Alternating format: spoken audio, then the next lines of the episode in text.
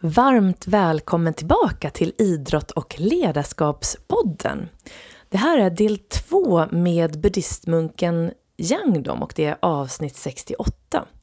Och i det här avsnittet så fortsätter vi att prata om hur du utvecklar en positiv sinnesstämning och Yangdom ger dig många praktiska råd för hur du kan börja träna ditt sinne för att bli just lugnt och rofyllt kommer också in på hur du hanterar ilska en gång för alla och hur du lär dig det. Och hur du kan göra för att hitta livets mening. Den här stora frågan som faktiskt kan uppnås eller hittas genom en enkel, ett enkelt tankesätt. Vi kommer också in på jämförelse och konkurrens, hur man kan hantera det och hur du kan träna närvaro. Och här Även här ger Yang dig några praktiska råd till hur du kan börja med meditation. Och på slutet av det här avsnittet så kommer också jag att dela med mig av en andningsövning som kan vara väldigt bra att göra till exempel innan du börjar meditera eller när helst du behöver få ner sinnesron och lugna ner systemet kan man säga. Så häng gärna med hela vägen till slutet så får du ta del av den. Men nu är det bara att du lutar dig tillbaka, tar några djupa andetag och så önskar jag dig en riktigt trevlig lyssning. Nu kör vi!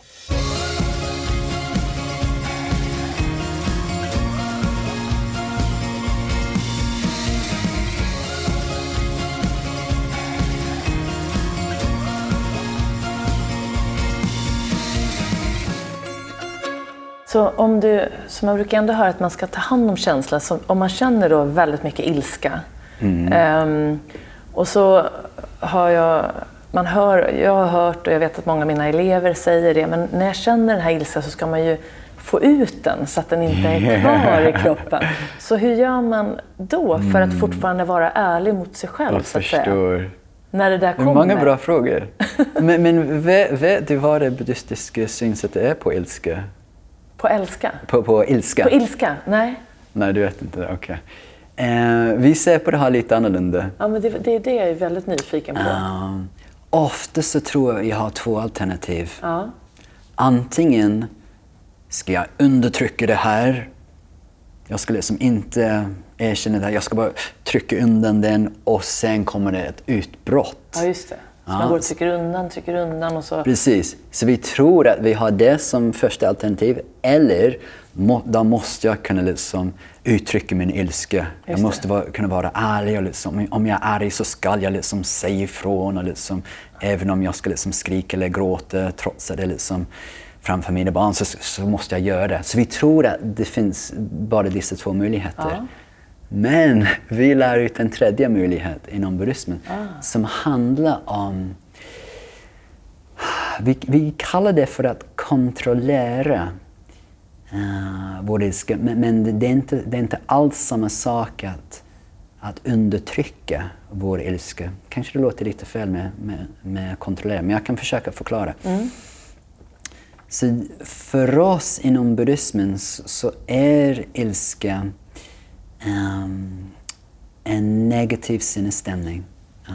Det betyder inte alls att vi är liksom dåliga människor därför att vi blir arga. Det betyder inte det alls. Jag pratar enbart om sinnesstämningen, inte personen. Jag pratar om sinnesstämningen. Och orsaken till att vi kallar det för en negativ sinnesstämning, eller vi använder ett annat ord också, vanföreställning. Och det här är ett starkt ord. Vi säger vanföreställning på svenska, eller delusion på engelska, så det är ett starkt ord. Orsaken till att vi använder det här ordet vanföreställning är därför att när den här ilskan tar över så tappar vi faktiskt kontakt med verkligheten. därför att det, vi, vi överdriver. Ja. Till exempel kanske så grälar vi med vår partner. Ja. Och nu överdriver vi hans, hennes negativa egenskaper. Ja, och så säger vi saker så som ah, men du diskar aldrig upp efter det. Kanske gör de det inte så jätteofta, men troligtvis inte aldrig. Alltså vi överdriver. Vi överdriver. Så det är en sak vi gör och en annan sak som vi gör uh, alltså för att den här ilskan ska uppstå. Det heter olämplig uppmärksamhet. Olämplig uppmärksamhet. Vi har för mycket uppmärksamhet på just det här som irriterar oss. Vi liksom zoomar in i det här och det är det enda vi tänker på. Min idiot, alltså partner. Ja. Och i just den stunden, hur framstår liksom din partner för dig? Som en idiot. Som en 100% idiot. Men de har andra egenskaper, annars skulle inte vi vara gift med dem. Självklart har de andra egenskaper. Men när den här ilskan tar över så ser vi inte dem. Vi ser inte dem. Och det som är så himla synd med ilska är att alltså, för det första, vi tappar kontakt med verkligheten. Vi överdriver. Det, det som framstår för mig nu, det jag uppfattar just nu, stämmer inte med verkligheten. De är inte den här idioten som aldrig gör det här. Ja, det finns en mer nyanserad bild som vi, som vi inte har just nu. Men det som är kanske allra mest synd med ilska är att det avslutar med en önskan att ge igen, att såra. Och det kan vara verbalt, det kan vara fysiskt. Så det, det är... Just det är inte bra. Återigen, jag säger ingenting emot personen. Jag pratar enbart om den här, här sinnestillståndet så, som finns hos oss alla. Ja, ibland som ett stort utbrott, alltså raserianfall, och ibland som lite irritation. Ja, så det finns en skala här. Så, det, så vi, vi vill inte trycka undan vår ilska, vi vill bli av med det.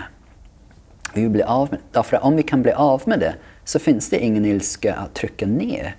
Så det vi kan göra är att vi kan i lugn och ro begrunda nackdelarna med ilska. Inte när jag börjar bli stressad eller arg, då är det för sent. Mm, Men i lugn och ro, ja, under min meditation, när jag mår bra, när jag känner mig liksom lugn och tålmodig, då ska jag begrunda dessa nackdelar med ilska som är, som är många. Ja, jag förstör äh, mina relationer med andra. Jag säger saker och ting som jag ångrar. Um, andra de blir rädda mig. Ja, alltså, tänk om du skulle bli liksom den här arga kollegan på jobbet som alla andra försöker undvika. Det, det är inte kul faktiskt. Och det avslutar, som jag sa, med att vi, vi vill såra den här andra personen trots att vi är kanske gift med dem, trots att det är kanske vårt barn. Så det, det här är inte så kul. Så vi begrundar nackdelen med ilska. Mm. Och det vi gör är att vi genomskådar vår ilska. Det känns jättenaturligt. Och alltså 99 procent av oss tror verkligen på ilska. Så jag förstår att det jag säger kanske är lite nytt. Men, men jag tycker det här är viktigt därför att vi kan åstadkomma stora viktiga förändringar i världen utan ilska. Ja, vi tror att med den här Eh, righteous anger att vi kan liksom få saker och ting gjord. Men många av världens problem har uppstått på grund av ilska, olika konflikter, olika krig har uppstått på grund av ilska. Vi överdriver de negativa egenskaper hos en annan befolkning och nu krigar vi med varandra. Så hur kan ilska som har orsakat det här kriget, den här konflikten, vara en del av lösningen? Jag, jag förstår inte det. Så det vi gör efter att vi har begrundat nackdelen med ilska, det här hjälper oss att genomskåda ilska och inte liksom uh, och inte bli så övertygad om det när den börjar uppstå. Men vi måste hoppa in, vi måste gripa in i ett tidigt uh, steg här. Uh, och, och, då kan vi ha liksom ett samtal med, med oss själva. Ah, men vänta nu, om jag håller på, om jag håller på att bli arg, då kan jag säga till mig, men vänta nu Jangnom, håller du på och överdriver? Gör den här personen verkligen aldrig det här? Nej, det stämmer nog inte. Har de andra egenskaper? Har de varit vänliga mot dig? Varför? Alltså, finns det någonting du kan vara tacksam för? Just det, jo men det stämmer. Jo, jag överdriver lite nu. Jag vill inte liksom bete mig utifrån ilska. Och, och om vi kan tänka i dessa banor så kan vi, så kan vi få den här ilskans styrka och kraft att liksom skingras och mm. släppas lite. Skulle man kunna märka ilska, jag tänker för att kunna, så att säga, kunna märka den i tid? Um, att du märker att det kommer spänningar i form av då, spänningar i kroppen, man kanske känner att man börjar bli lite... Och att man då kan ta till någon form av andning först för att komma ner och behålla ron. Och då blir det lättare att komma ihåg då, håller jag på att överdriva nu? Ja, jag tror det. Så att lugnet kan vara, just det här med andningen, att förr i tiden sa man ju så här, räkna till tio, ta tio långa andetag. Eller? Ja. Just det, om man börjar känna igen kroppens signaler så kan man utgå från kroppen först om man tycker att det är svårt att hindra tankarna. Jag tror det är en jättebra idé faktiskt. Vi behöver göra det som fungerar. Just det. Ja.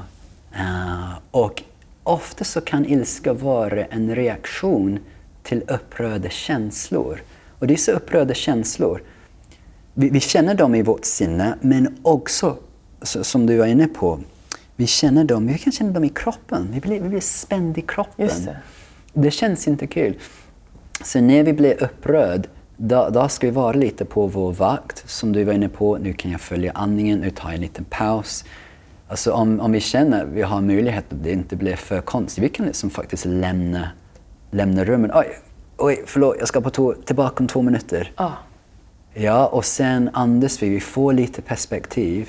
Men, men, som du var inne på, vi får det här perspektivet tack vare att vi har börjat komma ner i varv. Mm. Och nu när jag har börjat komma ner i varv, får vara lite stressad men liksom inte helt alltså, panikslagen och liksom jättearg. Nu kan jag tillämpa dessa andra resonemang. Överdriver jag?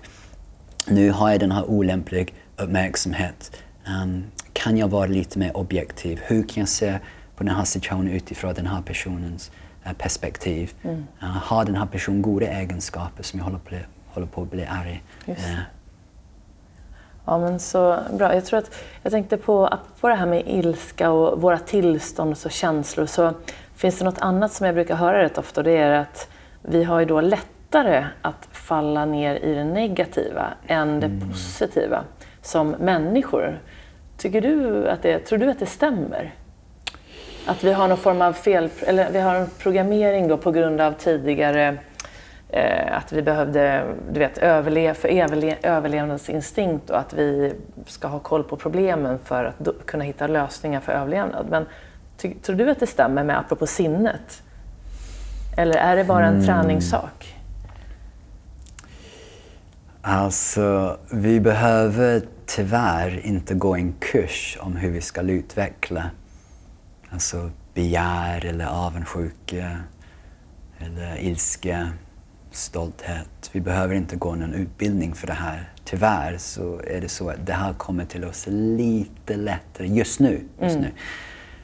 Um, ja, men med träning så kan, kan dessa sinnestillstånd vara svagare och svagare. Um, ja, och dessa positiva sinnestillstånd de kan vara liksom starkare och starkare. Så en liknelse som finns inom buddhismen är um, alltså ord skrivna i sten, ja, ord skrivna i sand och ord skrivna i, i vatten. Så just nu är våra negativa tillstånd som ord eller bokstäver skrivna i, i sten. De är där, de sitter liksom ja. ganska fast. Men med tid så kan vi fullständigt alltså, omvandla den här situationen så att våra starkaste, djupaste och mest eh, uh, lättillgängliga och mest naturliga sinnestillstånd blir då kärlek. Blir, alltså, jag tycker om andra, jag känner mig eh, jag har en känsla av närhet till andra. Andra betyder någonting för mig. Jag bryr mig om andra. Det är det som kommer först. Och liksom en gång om året när vi blir lite irriterade, liksom, wow, var kom den ifrån? Så, så det, det, tar tid. Um, men jag tror det är en viktig, viktig sak här som hjälper oss uh, att åstadkomma den här förändringen är att tro på riktigt på vår potential att utvecklas. Så det här är ett jätteviktigt tema för oss på vårt eh, meditationscenter. Därför att om inte vi tror att vi kan utvecklas, alltså vad håller vi på med? Om jag tror att jag sitter fast därför att jag har någonting i mina gener som jag ärvt av min far. Min far var arg, min farfar var arg och nu är jag arg. Det är ingenting jag kan göra åt det. Det. Det, det är lite synd. Så vi tror verkligen, alltså 100% på allas förmåga att utvecklas. Inte alla kommer att utvecklas fullt ut i det här livet, men alla har samma potential att förr eller sen fullborda alla sina goda egenskaper och bli av med alla sina mentala brister och begränsningar. Det är det det, är det, det innebär att bli en, en buddha. Alltså det, att bli en buddha så blir, vi, så blir jag mitt bästa jag. Ja. Ja. Och hur kan vi då verkligen tro på vår potential att utvecklas? Eh, oj, jag ställde en fråga till mig själv. ja, en väldigt bra fråga. Okej. ehm, jo, genom att uppskatta, genom att inse och uppskatta någon liten förändring inombords blir jag lite lugnare. Ja. Om vi blir lite lugnare, då visar det här oss att ja, men då kan jag släppa min negativitet. Jag kan komma ner i varv. Ja. Det har visat mig att jag kan släppa min oro, min frustration. Och om jag kan utveckla ett lugn inombords efter bara en kort meditation, vad, vad kommer hända då om jag fortsätter att träna? Ja. Och det som är så intressant är att när vi börjar komma ner i varv och vi känner av den här inre ron, vi känner på riktigt att livet har nya möjligheter och fantastiska möjligheter. Därför att det är någonting helt annat om jag som kanske inte mår så jättebra, som är lite stressad, säger till mig själv ja men du kan det här, du kan det här. Det blir bara tomma ord. Men om jag kan istället komma ner i varv och känna av den här inre ron. Nu känns allting möjligt. Nu känner jag att jag kan utvecklas, jag kan förändras. Och med nuvarande upplevelse av inre ro, visa mig det här. Det är inte någon bok eller någon annan person som liksom talar om för mig att jag kan förändras. Utan jag känner att jag kan utvecklas, att jag kan förändras. Tack vare min nuvarande upplevelse av inre ro. Den har visat mig min stora potential. Den visar mig vad jag kan åstadkomma när det gäller sinnesträning och när det gäller mitt liv alltså överlag. Mm. Så inom den mentala träningen som, som jag jobbar efter, det är, den kallas i Sverige då för den integrerade mentala träningen som började utvecklas på 60-talet och då tittade man på Eh, vilka gemensamma nämnare som personer hade som hade uppnått då inre och yttre framgång. Så att de både fungerade bra och mådde väldigt bra. Och den grunden har man vidare sett även i den moderna forskningen. Då. Och det är ju just att grunden till allt som vi pratar om, förmågan att hantera sina tankar, förmågan till positivt tänkande, är just mental och eh, fysisk avslappningsförmåga. Så jag antar att det är det som du, just den här inre ron, att istället för att hitta lösningen med tanken, att du, lösningen kanske finns i att börja med tre andetag per dag och göra någon form av avspänningsträning, meditera för att våga möta det där. Ja, Eller för att lugna Mm. ner systemet menar jag, så att både musklerna och sinnet får lite ro. Ja, precis. Att det är Därför- liksom grunden i allt. Jo, för oss så är det det som gäller. Därför jag tror att det vi ofta försöker göra är att med negativt sinne, ett sinne som är lite stressat, eh, då försöker vi att mm, hitta någon lösning till någon problem. Eller så försöker vi liksom prata med någon trots att vi har liksom ett negativt sinne. Ja, det. Men, men det som är intressant med det här är om vi fokuserar lite mer på den här inre ron, den här inre balans med hjälp av meditation och andra övningar.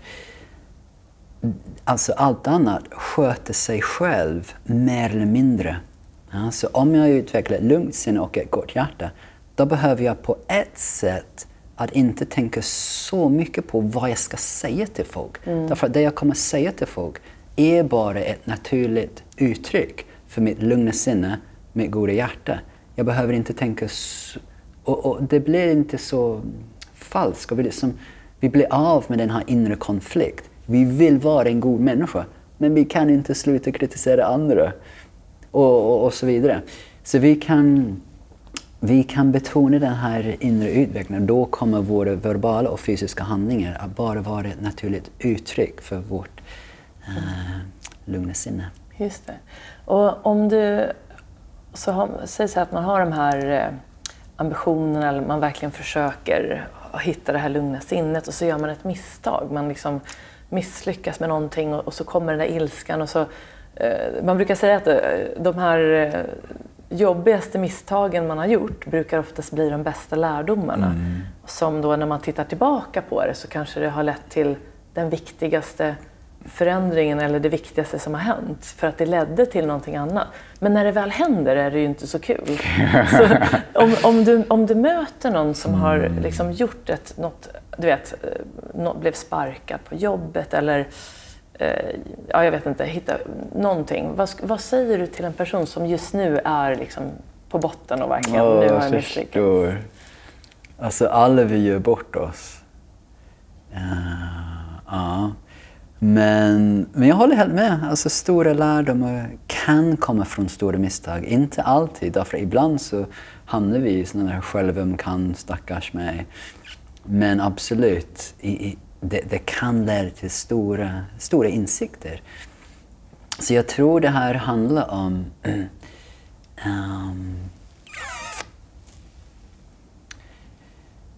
vad vi vill hitta vår...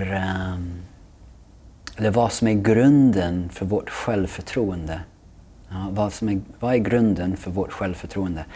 Är det att jag har det här jobbet uh, därför att, som, som jag sa tidigare, mm. om, om grunden för mitt självförtroende är att jag har det här jobbet, vad händer den dagen jag får sparken? Eller den dagen jag inte får sparken utan bara går, går i pension? Så jag tror att vi kan så småningom utveckla en stabil grund för vårt självförtroende, nämligen dessa inre egenskaper som är med oss, alltså, alltså, oavsett vad vi har för jobb. Och dessa inre egenskaper kan utvecklas på, på djupet när vi gör misstag, om vi vågar att vara ärliga. Alltså det som är så lätt är att alltså, antingen rättfärdiga det vi har gjort eller blåneka det, liksom avvisa det här.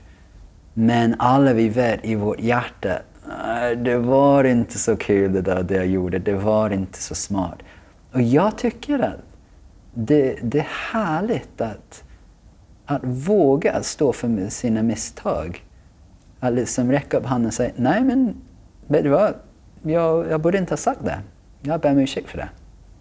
Ja, och liksom, om, vi, om, vi, om vi ber om ursäkt på ett uppriktigt sätt så tror jag verkligen andra ska uh, acceptera vår ursäkt. Mm. Verkligen. Jag tror det är lite synd när andra inte gör det faktiskt. Um, så absolut, vi har den här stora potentialen för, för andlig tillväxt som kommer just från att jag nu kan titta på det här det här misstaget. Eller kanske det, det, det är någon annan som betraktar det här som ett misstag. Mm. Så jag kan ta ett steg tillbaka och försöka vara objektiv. Håller jag med? Gjorde jag någonting som var väldigt dumt? Eller handlar det om att i lugn och ro förklara för den här personen varför jag gör det, varför jag gjorde Just det här? Det. Har de rätt? Men jag behöver inte bestämma nu. Jag kan ta liksom 24 timmar. Om jag är liksom riktigt stressad. Jag tar 24 timmar.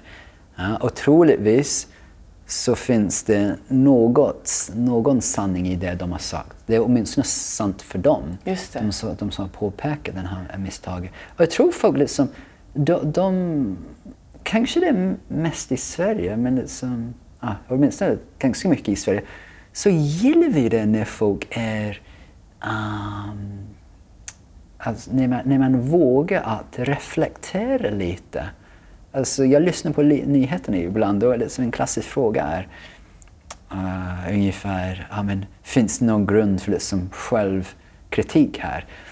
Jag gillar inte riktigt liksom självkritik. Jag tänker mer liksom, men jag tror det de är ute efter är, kunde du ha gjort någonting lite annorlunda? Finns det någon möjlighet för att reflektera över hur, hur vi kunde ha agerat lite annorlunda?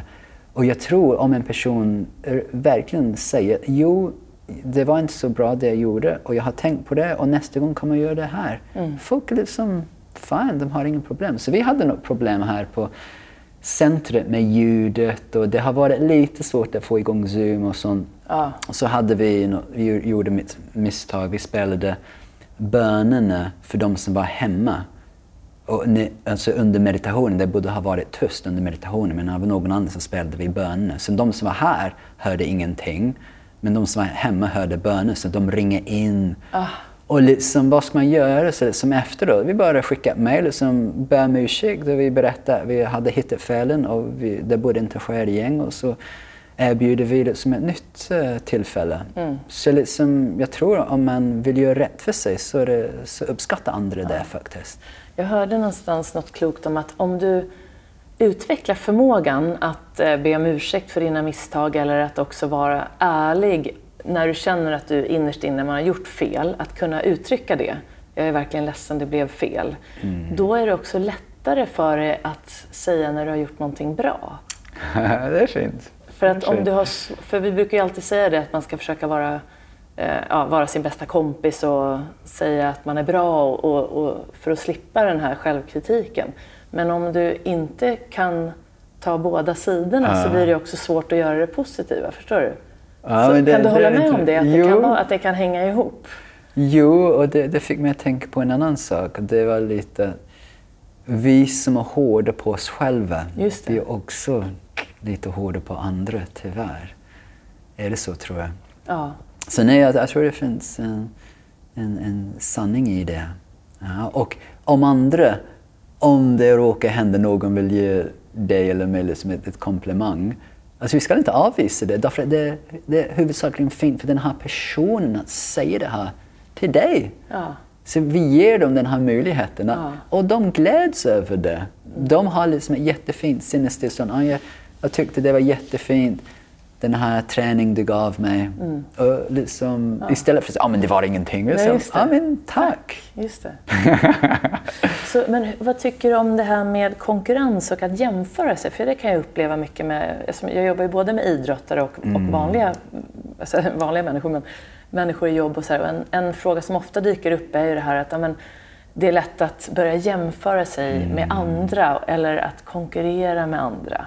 Och eh, om man tänker i golfen som är min idrott, då har man ju bara banan egentligen att konkurrera mot. Där har man ju inga motståndare. Men eh, det är väldigt lätt att hamna i det eh, fokuset, det blir liksom fel fokus. Vad skulle du säga om du, om du har lä- lätt att jämföra dig, vad, vad handlar det om? Jo, ehm, alltså om vi tittar lite djupare så ser vi att våra vänner, våra kollegor, alltså de vi tror att vi konkurrerar med,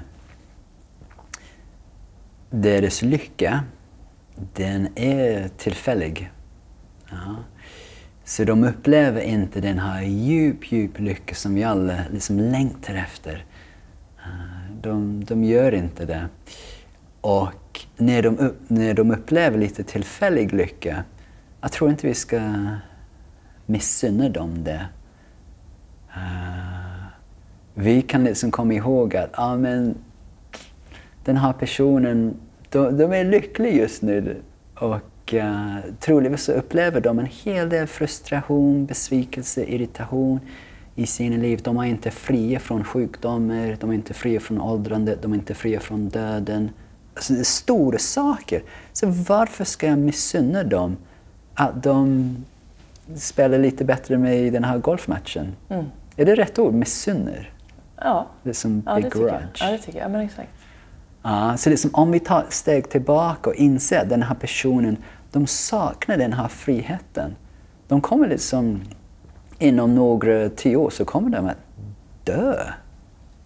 Liksom, så ska jag verkligen liksom bli irriterad över att de får vara glad liksom en halvtimme, en dag eller någonting. Nej, jag kan göra bättre än så. Mm.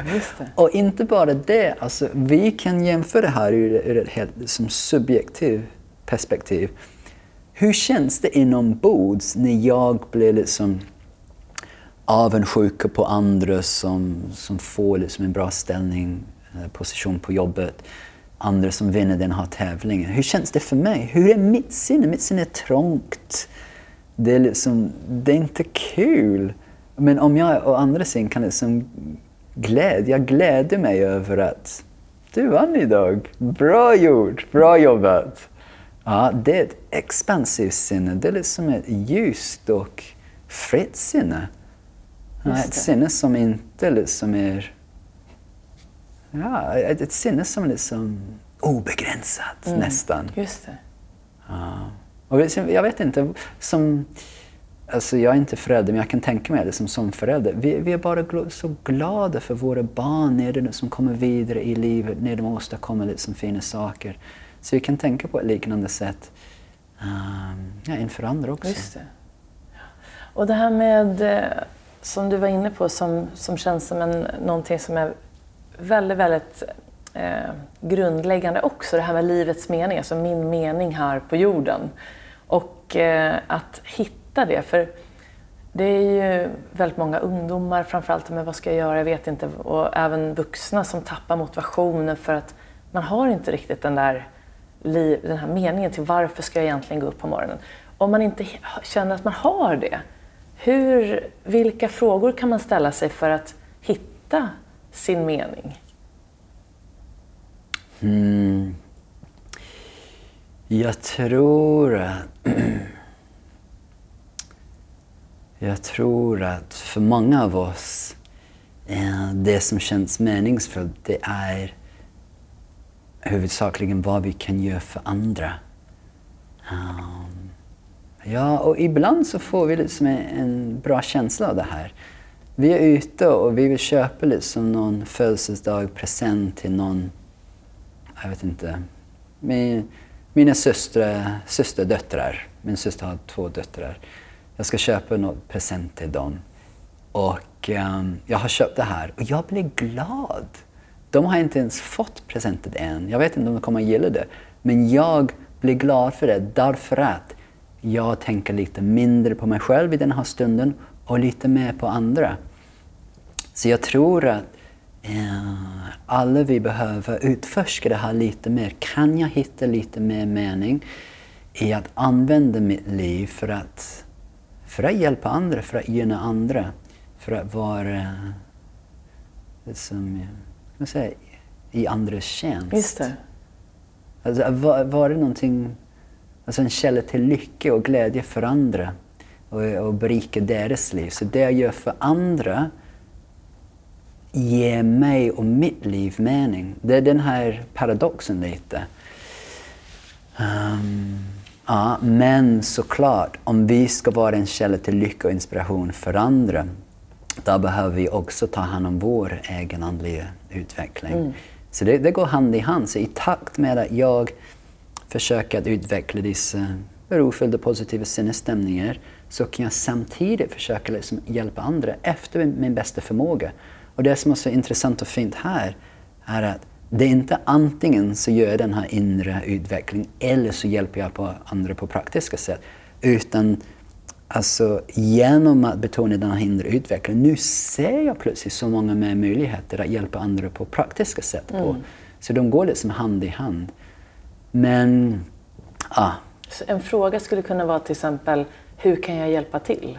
Ja, Bara jättefint. så om man känner att man har tappat motivationen eller eh, det kan ju bli att man blir väldigt självcentrerad också just när du mår dåligt. Det känns ja. som ett brev på posten. Men liksom, den där frågan, skriva upp den nästan på kylskåpet. Så här, hur kan ja. jag hjälpa till ja, med det jag nu har fått här till den här världen?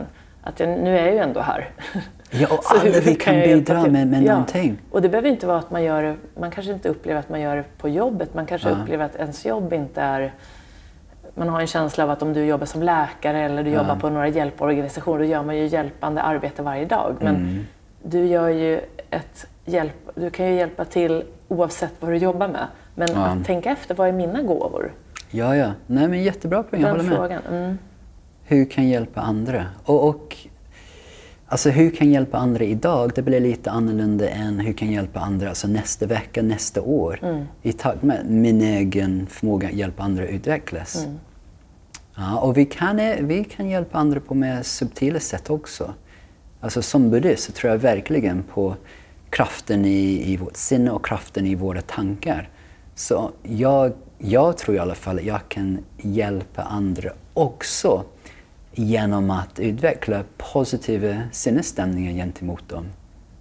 Mm. Uh, genom att, alltså, om jag ber om att andra är, är lyckliga, jag utvecklar en koppling mellan mitt hjärta och deras hjärta. Mm, som, som kan då mogna i framtiden också som en, som en fysisk möte. Mm. Så, och vi pratar mycket nu också om eh, att liksom bli den här observatören kring när det dyker upp eh, känslor som är starka. Men då tänker jag också på den här vikten av att vara närvarande, mm. vara i nuet. Och det är ju, det här med mindfulness har ju blivit mm. ett begrepp som har blivit ganska använt, använt nu här i väst under många år. Um, och Eckhart Tolle har ju då skrivit en stor bok som har sålt miljoner om uh, The Power of Now. Och han brukar säga att ett beroende vi inte talar om så mycket är beroendet av att tänka. Mm. Och då tänker jag mycket på när man jobbar med idrottare så vet ju oftast, oavsett om det är golf eller andra idrotter, att där du verkligen kan fungera som allra bäst och må som bäst, det är ju när du är i nuet, där kropp och sinne är på samma plats. Så hur, finns det någon övning du kan, eh, du kan dela med dig av för att träna på närvaro? För det är många som upplever att det här är väldigt, väldigt svårt. Att, för tankarna på något sätt hamnar i framtiden och i dåtiden och de har ingen kontroll över det riktigt. Jag förstår vad du menar. Det här är ett problem. Vi ältar över det som har hänt i det förflutna eller vi oroar oss över det som kommer att ske, eller kanske inte sker i framtiden. Så det, det är mycket av vårt liv som vi inte lever i nuet.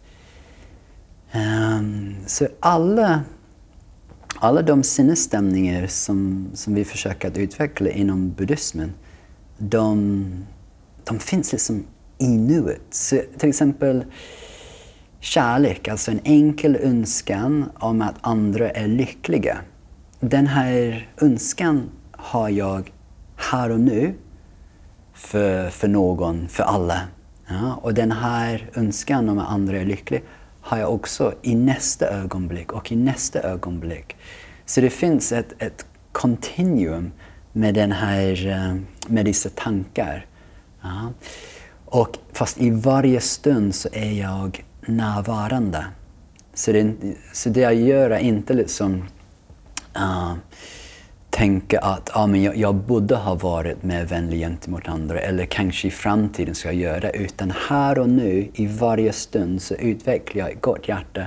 Må, jag sitter på bussen, må alla på bussen här och nu vara lyckliga. Jag går och besöker min, min familj och det som vi sätter oss runt middagsbordet. Må alla här vara lyckliga här och nu. Det är någonting jag känner här och nu som gäller här och nu. Eh, men jag tror också att acceptans är ett viktigt sinnestillstånd för att leva i nuet. Därför att mm, jag tror att en orsak till att vi inte vill leva i nuet en orsak till att vi försöker avvisa och knuffa bort det som sker här och nu därför att vi inte kan acceptera det.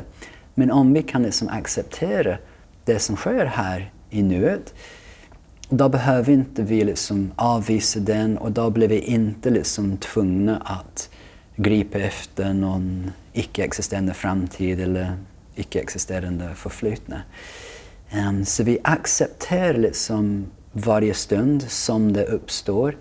Och det som är så fint med acceptans är att um, vi, accepterar, vi accepterar hur det är just nu och det gör att jag kan liksom ta det här ögonblick för ögonblick jag accepterar hur det är här och nu. Och min acceptans leder till en djupare känsla av inre ro som gör att jag kan faktiskt lösa det här problemet på ett effektivt sätt, på ett kreativt sätt, på ett flexibelt sätt. Så det, det kan vi också tänka på, lite, lite acceptans. Um, ett enkelt exempel, om jag, um, om jag springer efter bussen, uh, jag missar bussen uh, den försvinner. Um, så jag har lätt för att um, tänka ah, men jag borde ha liksom lämnat lite tidigare. Eller vi tänker oh, nu, nu kommer jag vara sent Nu kommer jag komma sent på det här mötet. Jag oroar mig över någonting som kommer ske i framtiden. Eller jag liksom ältar över någonting som jag gjorde eller inte gjorde tidigare. Så vi är inte i nuet. Och jag tycker däremot att det finns en otrolig djup och en otrolig alltså, ro i att vara i nuet. Så det finns en koppling mellan att vara i nuet och den här inre ron som vi, som vi alla vill uppleva. Mm. Och om jag kan istället acceptera att jag har missat den här bussen här och nu. Jag älter inte längre. Jag accepterar det här i nuet, att jag har missat den här bussen. Nu kommer jag ner i varv lite. Uh, nu kommer den här inre ron och nu kan jag göra någonting åt det. Jag ska ringa och få skjuts eller gå och hämta min cykel.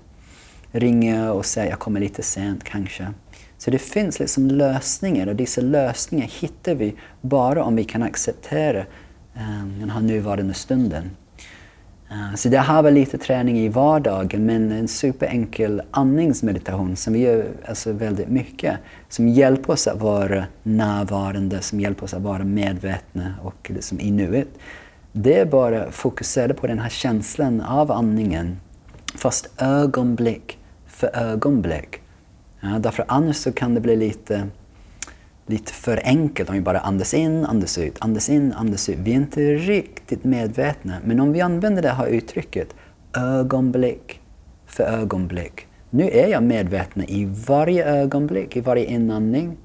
Jag följer min andning, jag vet vad jag gör, jag vet vad jag inte gör. Jag följer min andning ögonblick för ögonblick. Jag är medveten under hela den här sekunden, två sekunder tar att andas in. Jag fortfarande medveten, jag vet fortfarande vad jag gör i varje, an, i varje ögonblick, i varje utandning också. Mm. Så vi kan testa lite på det sättet också. Ja, men det, det, det, är viktigt att, mm. att leva i nuet. Just så, så hur gör man om du har då de här målbilderna som du jobbar med? Du har det här nu pratade vi om liksom livets mening med eh, anledningen att man går upp på morgonen, men ibland har man ju kanske andra kortsiktigare mål. Det kan ju vara, jag vill ha ett nytt jobb om ett år eller jag önskar mig eh, ett hus eh, eller det kan ha med yttre saker att göra också. Men hur, om du har den här målbilden, hur skulle du beskriva att du har planer men ändå är i nuet? Ja, det är en bra fråga. Precis. Så jag, du förstår vad jag menar? Att Många brottas med det där tror jag. Att du har mål men samtidigt kan du släppa det och bara vara i nuet? Kommer jag då nå dit eller måste jag tänka på målet för att nå dit? Nej, jag, jag, jag har planer. Ja. Jag, jag, vill, um, jag vill utveckla mina goda egenskaper. Jag vill uppnå nirvana, jag vill bli en buddha, uppnå upplysning. Jag vill att andra kan ta del av Buddhas liksom kloka råd mm. och undervisningar och sånt. Så absolut. Hur, hur jobbar du med planer. dem då? Sitter du med dem då och då i, för att påminna dig om och sen släpper du för att komma tillbaka till nuet? Eller hur jobbar du med dem? Uh, jo, jag kan ge ett exempel kanske. Um, så när jag sätter mig ner för att göra en meditation, eh, då börjar jag alltid med att utveckla det vi kallar för en positiv avsikt. Just det. Så vi tänker att um, syftet med meditation är att göra mitt sinne lugnt och rofyllt. Och när jag har ett lugnt sinne så kan jag ha en positiv påverkan på andra. Så vi kan tänka på det här sättet, jättefint, jätteenkelt. Och då gör jag liksom själva meditationen, kanske fokuserar på andningen eller den här himmel och molnliknelse och så vidare, eller utvecklar gott hjärta. Någon sorts meditation gör vi. Och sen på slutet av meditationen gör vi det som heter en tillägnan. Vi tillägnar, vi riktar den positiva energin vi har skapat under meditationen till ett specifikt mål. Till att alla får uppleva inre ro och lycka. Så en meditation, vi kan säga att en meditation, meditation har dessa tre delar. En positiv avsikt, själva meditationen och sen en tillägnan. Men när jag har väl utvecklat en positiv avsikt, då måste inte jag liksom tänka på det hela tiden. Ja, men jag vill att den här meditationen genom mig själv och andra. Jag vill att den här meditationen ja, genom... Alltså om jag sitter i en bil och kör till liksom Göteborg, jag, jag vet att jag är på väg till Göteborg. Jag behöver inte liksom tänka på det i varje stund. Så den intentionen jag utvecklade när jag satt mig i min bil gäller för hela den här resan. Så vi kan absolut ha planer. Jag tycker det är jätteviktigt faktiskt att ha planer, långsiktiga planer för att uppnå våra stora mål. Och liksom jag som buddhist, jag, har liksom, jag känner mig liksom relativt ambitiös. Alltså fast huvudsakligen när det gäller inre utveckling.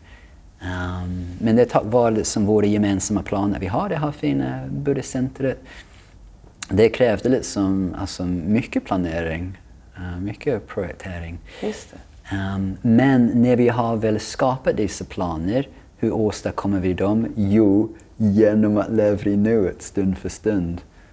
Uh, uh. Det var en sån bra, jag tänkte på de som, om det är någon som tvivlar på det här med hur man gör med intention kontra då nuet, det här med att åka, sätta sig i bilen. Mm. Alla kan ju bestämma sig för ett mål, jag ska åka till, var det nu man ska åka, jag ska åka till Göteborg säger vi. Sätter man sig i bilen och så kommer man dit, då har man ju nått sitt mål. Ja. Så att, och att kunna överföra det bara till det man i hjärtat vidare vill. Ja, precis. Och så till och med använda det i meditation. Det var en jättebra liknelse för det, det, då kan man förstå att det är, alla kan göra det. Ja, verkligen. Det är ingen svår, bara man ja, får förståelsen för. Verkligen. Mm. Och jag tror att knepet här är um, att ta lite tid att bestämma vart vi vill. Ska, är det verkligen Göteborg vi ska åka till? Eller är det egentligen Uppsala, Malmö, ja. Oslo, Sundsvall? Så, det, så vi, precis, vi tar lite tid att, att tänka ut vårt mål. Uh, vi kan göra det själv, vi kan göra det med hjälp av andra. Fast från liksom en lugn plats. Det är inte liksom något snabbt beslut som vi tar när vi är lite uppe i varv. Utan vi kommer ner i varv, vi, vi, vi bestämmer det här.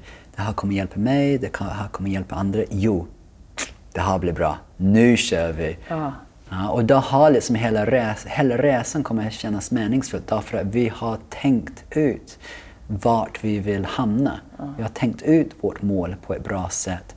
Ja, och nu kan vi vara glada under hela resan trots att det tar liksom 5-6 timmar att åka till Göteborg. Vi vet att det finns en, en bra anledning varför vi ska vara där. Så under hela resan kan vi vara glada för att varje timme så kommer vi lite närmare Göteborg. Mm. Eller varje meditation så kommer vi lite närmare upplysning. Just det. Det är väldigt vanligt när jag har elever som jag jobbar med så har vi ju mål som en stor del men de får jobba med det ganska länge. Så säg att jag har en kurs på sex veckor säger vi, så börjar man med lugnet och eh, jobba med olika saker och så ligger det där målbilden lite i bakgrunden så de får jobba med hemma då under hela perioden. Och nästan alla byter mål. Apropå att de får den här tiden att stilla sig. Är det här det du verkligen, som verkligen gömmer sig i hjärtat. Och att det är nästan alla gånger så blir det någon form av ändring kring det här första som de ja, kanske, kanske kom med anledning för. Ja, det är intressant. Det kan ha samma område men formuleringen blir något annat. Ja. För att det just ska skapa goda känslor när du tittar på målet och tänker på det. Ibland kan ju målet komma från att man tror att man, tror att man vill fast det är egentligen andra som vill. Ja. Att det är inte är du som vill. Nej, men det, det är intressant. Och jag, jag, tror det är viktigt det här att vi vågar att erkänna, ah, men kanske var jag, kanske inte hade jag bestämt mig för rätt mål. Och att vi vågar liksom ändra våra målsättningar. Mm. Uh, det, det kan också vara viktigt och mm. fint. Och, och som du var inne på, alltså, i takt med att vi utvecklas, nu har vi liksom nya mål. Så först så trodde jag att det enda jag vill uppnå är det här. Men nu när jag utvecklas så inser jag att ah, det där, det är kanske inte är så viktigt. Det är det här som är viktigare. Mm, just det. Så eh, jag brukar alltid fråga eh, mina gäster eh, en fråga så här som lite så sammanfattning. Det känns som att vi skulle kunna sitta och prata jättemycket mer. Men om du fick försöka så sammanfatta tre saker som du tror är, som du skulle vilja dela med dig av till lyssnarna Eh, som kanske funderar nu på hur ska jag börja min egen resa till inre frid? För det tror jag är ett väldigt gemensamt mål för många. Man vill känna den där inre friden. Men vad skulle du säga? Hur ska man, vilka tre saker skulle du säga är de viktigaste för att börja den här resan? Jo, oh, det är en bra fråga. Hmm. Kanske att vi, att vi verkligen tror på vår potential att utvecklas. Um, och den här tron eller den här tilliten den kommer från när vi uppskattar den här lilla, lilla förändringen. Blir ditt sinne lite lugnare? Kunde du komma ner i varv lite grann? Och vi uppskattar det. Vi vill, vi vill inte nedvärdera det här utan vi uppskattar det. Vi låter oss själva inspireras av det. Vi känner att jag kan utvecklas, jag kan förändras. Men vi behöver också faktiskt någon guide på vägen. Någon lärare, någon vägledare.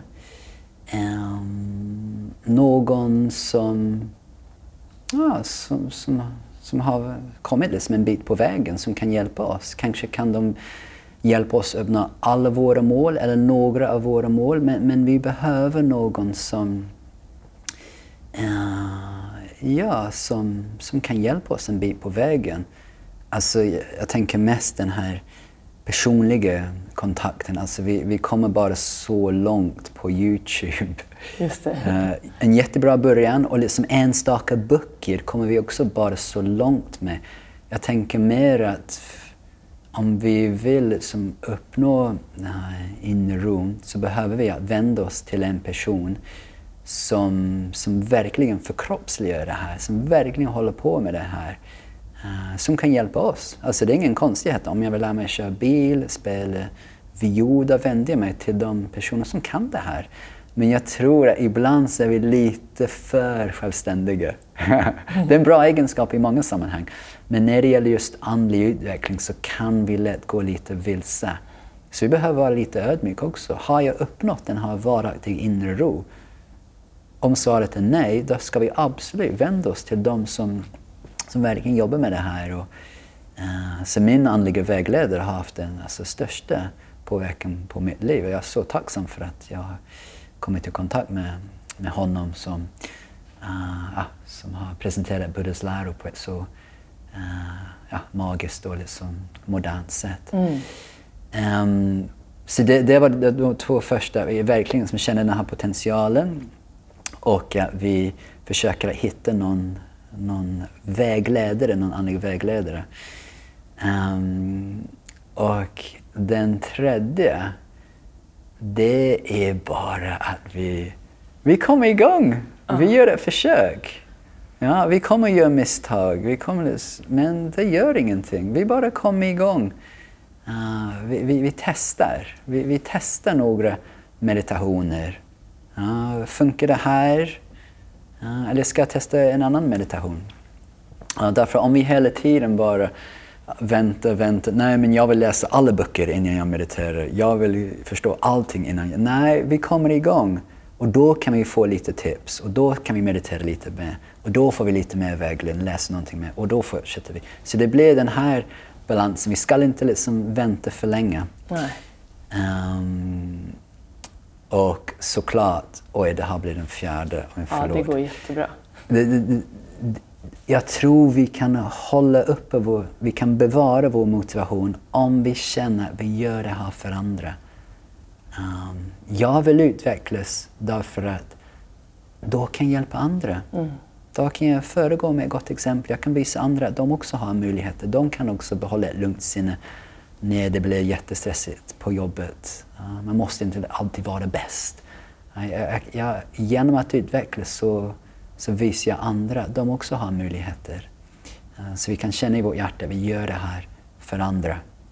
Och sen bara komma igång som jag sa. Ja. ja, jättebra saker. Det känns också som att det är överkomliga saker att börja med. Det är därför det är alltid skönt att få så här, okej, okay, hur kan jag, aha, de här stegen, aha. apropå de här små stegen aha. som leder till det här, ja. att du har några saker att kanske fokusera på till att börja med. Tills man sen ännu mer kommer igång. Då. Ja, ja, men om man vill läsa mer om, om dig, kanske det här meditationscentret eller om buddhismen, har, vart ska man gå in då? Finns det någon hemsida? Jo, um, mm. man kan gå in på meditera i stockholm.se. Ja. Och där kunde man också följa, apropå om man nu kanske vill prova meditation, så kan man göra det också online hos er nu, Precis. som du nämnde där. Precis. Det- I, ja. Hela Sverige kan man, i hela världen. Eh, Ja. Så alla våra drop-in pass och kurser de är på svenska. Vi har en klass på engelska på söndagar som mina föräldrar är med på från London. Så det är lite kul. Åh, vad härligt. Så precis, så online eller på plats. Man får välja själv. Det och, ja, det finns gott om plats här så vi, vi försöker verkligen sprida ut meditationskuddar, stolar. Så det är gott om plats här Ja, det är luftigt här och det är bra ventilation. Så, det, ja. så är det någonting mer som du skulle vilja lägga till här nu innan vi avslutar? Nej, men jag tackar för, att, eh, ja, för ett fint samtal. Ja, tack själv. Jag hade massa andra... Det, det känns som att vi får... Jag kanske kommer tillbaka så vi tar ett fortsatt samtal. Ja, tack så jättemycket för din tid. Och jag ska lägga upp de här länkarna också i avsnittet. Och, ehm, Eh, kanske även om den här andningsövningen som du nämnde, den här korta då, som man skulle kunna börja med. Jättebra. Tack snälla för idag och varmt lycka till med centret och alla framtidsplaner. Ja, men tack I full närvaro. Eller hur? Ja, Tack så toppen. jättemycket. Okej. Tack.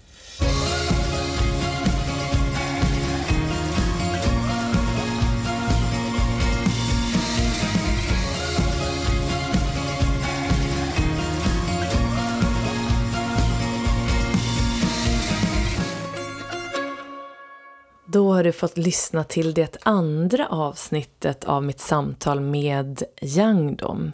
Och jag hoppas att du har verkligen njutit av de här kloka orden och tankarna från Yangdom och eh, de här lärdomarna som han delar med sig av från buddhismen och hur du kan ta med dig det här in i din egen vardag.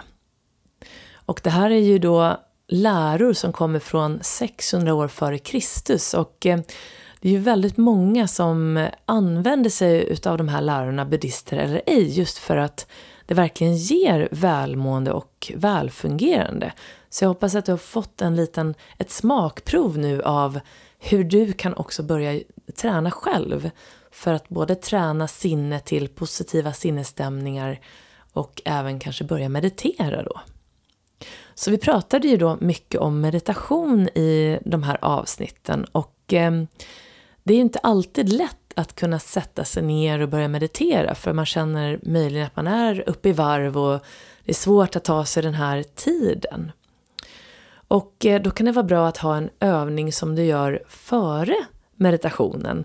En övning som också hjälper dig att bli lugn när helst du märker att pulsen går upp. Och det kan ju vara när som helst under dagen. Det kan vara på jobbet, om kanske chefen säger någonting eller någon av dina kollegor säger något som gör att du reagerar eller kan vara hemma vid nattning när du ska läsa för barnen eller ja, när som helst du känner att pulsen går upp, du vill gärna vara lugn men du märker att du har lite oro i dig eller lite stress. Och då kan den här andningsövningen som du nu ska få utav mig hjälpa dig att komma ner i varv.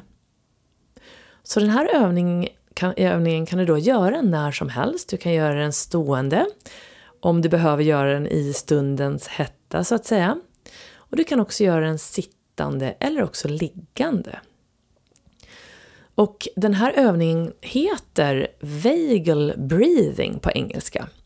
Och det vagal står för vagusnerven och det är alltså en andningsövning som stimulerar vagusnerven som då är den största nerv som vi har. Och eh, den här nerven kallas också för the healing nerve eftersom den har kontakt med i princip alla våra organ i kroppen. Så att när du stimulerar vagusnerven så förbättrar du funktionen hos många av dina organ också. Så att, och även andra delar av kroppen, så muskler och leder fungerar bättre. Och inom den medicinska yogan så jobbar vi väldigt mycket med just att stimulera vagusnerven. Och då är det via olika rörelser. Men du kan alltså också stimulera den här vagusnerven genom den här andningsövningen. Så om du nu börjar med att ta ett djupt andetag och så kan du då antingen sätta dig ner med fötterna mot marken, hitta en alert men avspänd hållning, händerna på knäna. Du kan också ligga ner på rygg Eller så kan du sitta i skräddarställning. Eller så kan du också testa stående. Och det du gör nu det är att du bara först och främst känner att du börjar andas in och ut genom näsan. Du kan känna att musklerna kring ögonen slappnar av. Och du kan känna hur axlarna sjunker ner mer och mer med varje utandning. Och bara känn hur magen också slappnar av, faller ut. Du behöver inte hålla in den. Och pannan känns alldeles slät. Och nu ska du då få börja räkna när du andas. Så du kan börja med att räkna in på fyra. Och så håller du andan och räknar till två. Och sen när du andas ut så räknar du till sex. Så utandningen är längre än inandningen. Och det är utandningen som du aktiverar ditt lugn och rosystem eller ditt parasympatiska nervsystem. Och det är därför vi förlänger också den utandningen något. Så du andas in på fyra. En, två, tre, fyra. Håller andan på två. En, två och andas ut och räkna till sex. En, två, tre, fyra, fem, sex. Och när du har andats ut all luft så kan du vänta en liten stund där nere. Bara invänta kroppens signal på att den vill ta ett nytt andetag och då börjar du igen med din inandning och räkna till fyra. Håller andan, räkna till två Andas ut och räknar till sex. Och så ska du få fortsätta så här i tre minuter till. På egen hand.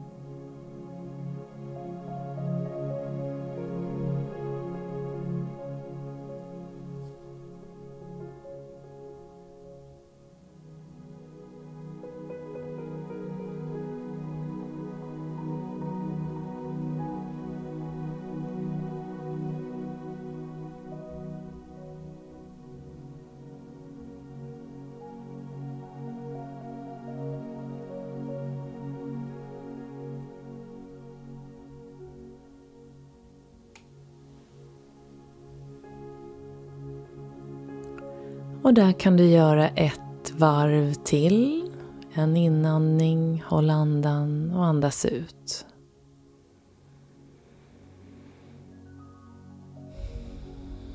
Och när du har gjort det så kan du sluta räkna och börja andas som vanligt in och ut genom näsan en stund.